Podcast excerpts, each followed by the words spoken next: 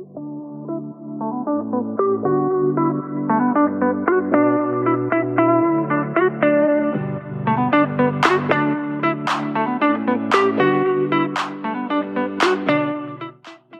deze aflevering ga ik drie fases met je bespreken die iedereen doormaakt. Die jouw klanten doormaken, maar ook die jij waarschijnlijk wel eens hebt doorgemaakt als jij klant werd. Dus we gaan die drie fases bespreken. Ik ga vooral even uitleggen wat daarin gebeurt. Wat er dan omgaat in het hoofd van jouw potentiële klant of van jouw klant. En wat jij eraan hebt. Ik ga niet heel diep erop in over wat je kan doen om van de ene fase naar de andere fase te gaan. Ik zal er wel wat over vertellen, maar niet de diepte in. Waarom niet? Omdat ik ervoor kies om deze aflevering dus echt puur over die drie fases te hebben. Omdat die drie fases ook weer wat zijtakken hebben. En ik wil deze aflevering even kort houden. In een andere aflevering gaan we nog meer de diepte in over de verschillende fases en over hoe jij dus iemand kan omzetten naar een andere fase. Maar daarvoor moet je wel eerst even deze basiskennis hebben en hebben geluisterd ook. Dus van kijkers naar kopers naar fans. Hoe doe je dat? Wat zijn de fases? En hoe pak je dat eigenlijk aan? Maar vooral, wat houden die fases in? En als jouw potentiële klant in zo'n fase zit, wat heeft iemand dan nodig om ook zich comfortabel te voelen in die fase? Om zich ook, nou eigenlijk vrij te voelen, maar ook dus om naar een volgende fase te gaan. De eerste fase is dus kijkers. En in de fase kijkers, dus in die groep, zitten weer verschillende takken. Want je hebt dus tak 1, namelijk kijkers die jij kent, waarmee je wel eens gesprekken hebt gevoerd, die nou jou wel eens een berichtje sturen. Ik heb bijvoorbeeld luisteraars van de podcast die mij wel eens een DM'tje sturen over een aflevering. Dat zijn luisteraars, hè, dus die vallen onder de groep kijkers. En ik weet dat zij luisteren. Ik heb waarschijnlijk wel eens een gesprekje met hen. Dat kunnen dus ook volgers zijn, maar ook kijkers van jouw masterclass zijn. Die sturen jou gewoon wel eens een bericht. En jij weet dus dat zij jou kennen en jij kent hen ook. Dus jij hebt al meer een band met hen. Dus dat komt eigenlijk nou, in stap 2 van de fase kijkers. Maar dan heb je ook nog een groep daarvoor. En dat is de groep die jij niet kent. Je kan ze ook wel stille volgers noemen. De kans is heel groot dat zij jouw content lezen. Dat zij jouw content ook zien of luisteren of kijken. Dus ze volgen jou, maar jij hebt gewoon geen idee. Deze groep is heel interessant. En dit is ook best wel een specifieke groep. Je weet niet dat ze er zijn. Je ziet ze niet. Maar ik zeg ook wel eens tegen mijn klanten: als jij geen of weinig reacties krijgt op jouw content, betekent het niet dat niemand het leest. Beter gezegd, de grootste groep valt onder die stille volgers, onder de stille kijkers. En daar hoor jij dus niks van. En dan in één keer kan het zo zijn dat ze in je DM poppen en dat jij ze voor het eerst ziet, maar zij jou niet. En het kan ook voorkomen dat ze dus meteen nou, of een ticket ergens verkopen, of iets kleins aanschaffen, of een gesprek bij je inplannen. En voor jou voelt dat dus uit het niets. Maar voor de andere kant is dat niet zo. En daar mag je je bewust van zijn. Als er dus een kennismakingscall wordt ingepland door iemand waarvan jij denkt: ik ken jou nog helemaal niet. Wees je er dan bewust van dat het heel goed zo kan zijn dat de ander jou al wel een tijdje kent. Dus ga dan ook dat gesprek op een andere manier in. Nou, de andere kant van kijkers hebben we dus net besproken, de mensen die jij wel kent. En soms ben jij er ook bewust van dat er een aantal van deze mensen potentiële klanten zijn. Het kan zijn dat jij een aantal DM's voert, dus DM-gesprekken voert. En dat jij bij bepaalde mensen het gevoel hebt van jij bent echt een super toffe potentiële klant. Dan valt diegene alsnog in kijkers, want diegene heeft nog niet gekocht. Pas als iemand wat heeft gekocht, dan valt diegene onder kopers. Klinkt heel logisch, dat snap ik, maar kopers zijn gewoon al je klanten. Ik vind hier dus wel ook weer in dat er twee fases zijn. Als jij een aanbod hebt met verschillende producten, bijvoorbeeld een klein aanbod wat minder dan 100 euro kost, dan een middelaanbod en een hoog aanbod, dan zijn daar dus verschillende frequenties in, zo noem ik het nu even. En die verschillende frequenties hebben ook verschillende waarden. Dus iemand die een klein bedrag in jou investeert, is minder van waarde dan iemand die een groter bedrag investeert. Ze zijn natuurlijk wel even waardevol als klant, dus je moet hem wel even nu goed opvatten. Maar ze hebben in mindere mate commitment getoond. En dat is van belang, en dat bedoel ik nu met waarde. Het commitment wat zij hebben getoond. Als ze een lager bedrag hebben geïnvesteerd, is dat automatisch minder dan als ze een hoog bedrag hebben geïnvesteerd. Persoonlijk werk ik maar met één programma, dus bij mij zijn alle klanten in die zin hetzelfde. Maar dat zijn dus kopers. Het hangt er dus vanaf, nogmaals, hoeveel verschillende dingen jij aanbiedt en wat daar de verschillende prijzen van zijn.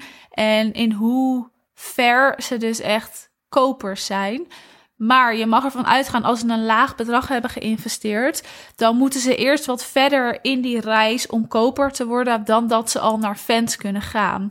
Ze moeten wel een bepaald bedrag hebben geïnvesteerd, een bepaalde periode met jou hebben samengewerkt, om ook echt die commitment te voelen, voordat ze dus überhaupt naar fans kunnen gaan.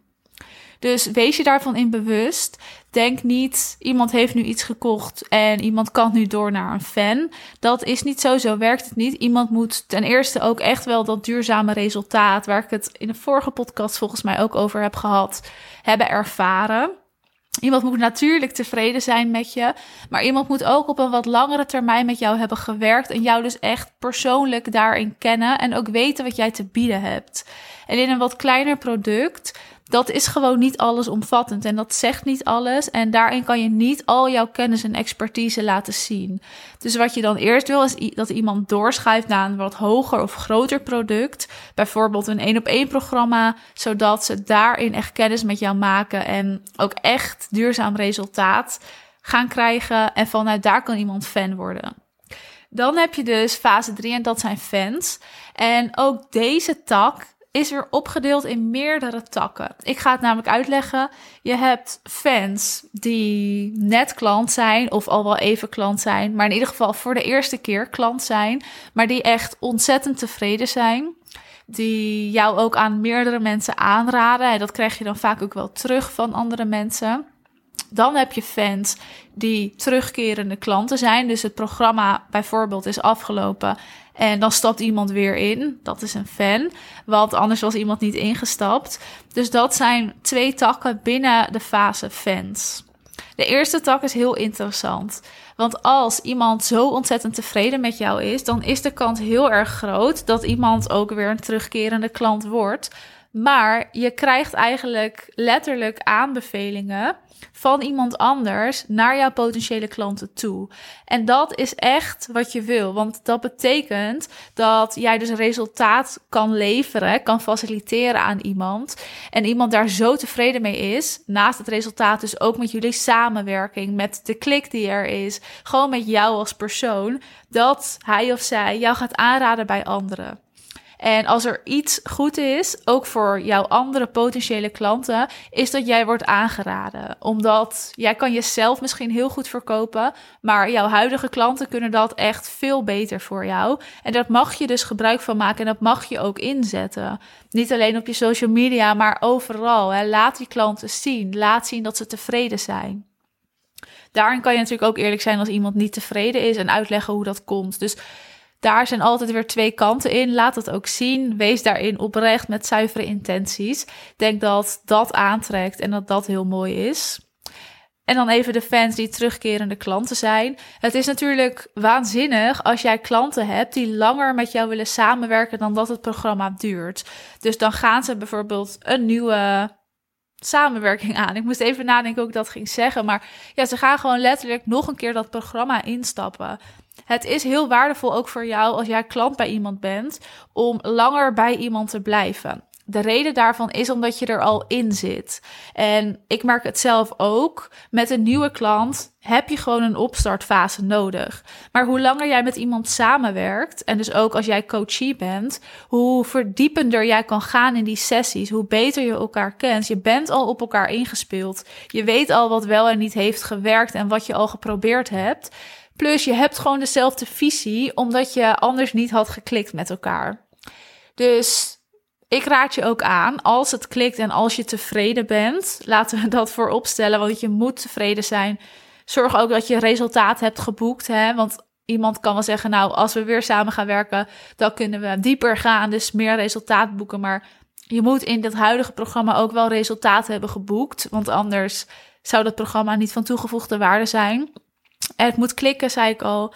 Je moet resultaat zien en je moet ook toekomstperspectief zien en visie zien, zodat je ook voelt en weet als ik met haar nog langer in zee ga, dan weet ik dat we nog grotere stappen kunnen maken. Dus daarom is het interessant om langer met iemand te werken. Sommige ondernemers vinden het interessant om met verschillende coaches te werken. Dat snap ik. Dat vind ik namelijk ook. Maar er is een bepaalde grens, denk ik, waarin je ook wel voelt: oké, als ik nu langer bij iemand blijf, dan kan ik echt grotere stappen zetten. In plaats van dat je dus telkens maar weer gaat wisselen. Want je hebt bij iedereen een opstartfase nodig. En dat is logisch, maar dat kost gewoon tijd. En dat is kostbare tijd die je dan, nou, misschien een beetje weggooit. Goed, van kijkers naar kopers naar fans. Dus ik heb de drie fases met je doorlopen. En daarin dus ook elke keer de twee verschillende takken uitgelegd. Ik wil je een kleine opdracht meegeven. Ga namelijk maar eens kijken. Heb jij op dit moment bepaalde kijkers in het vizier die kopers zouden kunnen worden? Maak daar een lijstje van. En zo ja, wat hebben die nodig om ook bij jou in te stappen of met jou een samenwerking aan te gaan? En ook wat heb jij nodig om met hen een samenwerking aan te gaan? Dan bij de kopers heb jij op dit moment klanten die of even doorgeschoven moeten worden, of die je misschien om kunt zetten in fans. Of die al fans zijn, maar waarvan je dat nog niet zo door had. Ik raad je ook aan om daar goed op te letten. En ook om je klanten daar dus op te sturen. Dus hoe maak jij van die klanten fans? Ga dat maar voor jezelf opschrijven. Wat hebben zij daarvoor nodig? Wat moet jij daarvoor faciliteren? En hoe ga je dat dan doen? Schrijf het alsjeblieft voor jezelf op. En dan natuurlijk de fans. Ja, beloon die desnoods een keer. Benoem het ook van ik zie dat je ontzettend tevreden bent. Dat doet mij ook echt heel goed. En ga ook eens nadenken hoe kun jij die fans inzetten, ook in de vorm van een review bijvoorbeeld, om potentiële klanten aan te kunnen trekken en ook dus eigenlijk iemand anders jou te laten verkopen. En dat klinkt een beetje vaag misschien. Maar het is heel fijn als jij gewoon de woorden van iemand anders ook kan gebruiken. Dat doet jou ook heel goed. En dat laat ook zien dat jij echt goed bent in wat je doet. En dat jij je beloftes nakomt. Er wordt tegenwoordig van alles beloofd. Dus om dat ook te kunnen laten zien door middel van je fans of huidige klanten. Is ontzettend waardevol voor jouw bedrijf en ook voor jouw groei. Dus ga dat doen. Wil je dit samen doen? Van kijkers naar kopers naar fans? Dat kan. Dat kan op 6 oktober tijdens de live dag. Het event van kijkers naar kopers. We gaan daarin nou, ons onderdompelen in kennis, in verbinding. Ik heb er al best wel veel over gedeeld. Ben je nieuwsgierig en triggert ook deze podcast jou? Hè? En denk jij, ik wil van die kijkers kopers maken, maar ook van die kopers fans maken. Zodat je terugkerende klanten hebt en terugkerende inkomsten hebt, wat echt ontzettend interessant is als ondernemer. Zorg dan dat je je ticket koopt. Het kan nog, vol is vol, want we gaan niet meer plaatsen beschikbaar stellen dan dat we nu doen. Het loopt best wel lekker door. Ik um, mag echt niet klagen. Het gaat super goed. Ik ben ook super blij met de ondernemers die een ticket hebben gekocht. Het is echt een groep fijne, ambitieuze vrouwen. Ook echt passend weer bij elkaar. Heel bijzonder om weer te zien hoe dat lekker matcht. Dus twijfel jij om je ticket te kopen? Ik zou zeggen gewoon doen. Maar je kan ook altijd even je call bij mij inplannen. En dan gaan we gewoon even over hebben. Is dit passend voor jou op dit moment? Zo niet, dan ben ik de eerste die jou dat eerlijk vertelt. En zo wel, dan ben je van harte welkom. Want het wordt echt een waanzinnig mooie dag. Die ook echt impact gaat maken. Jij gaat ook echt een shift maken die dag. Garandeer ik je bij deze. Dus koop je ticket. De link staat in de beschrijving.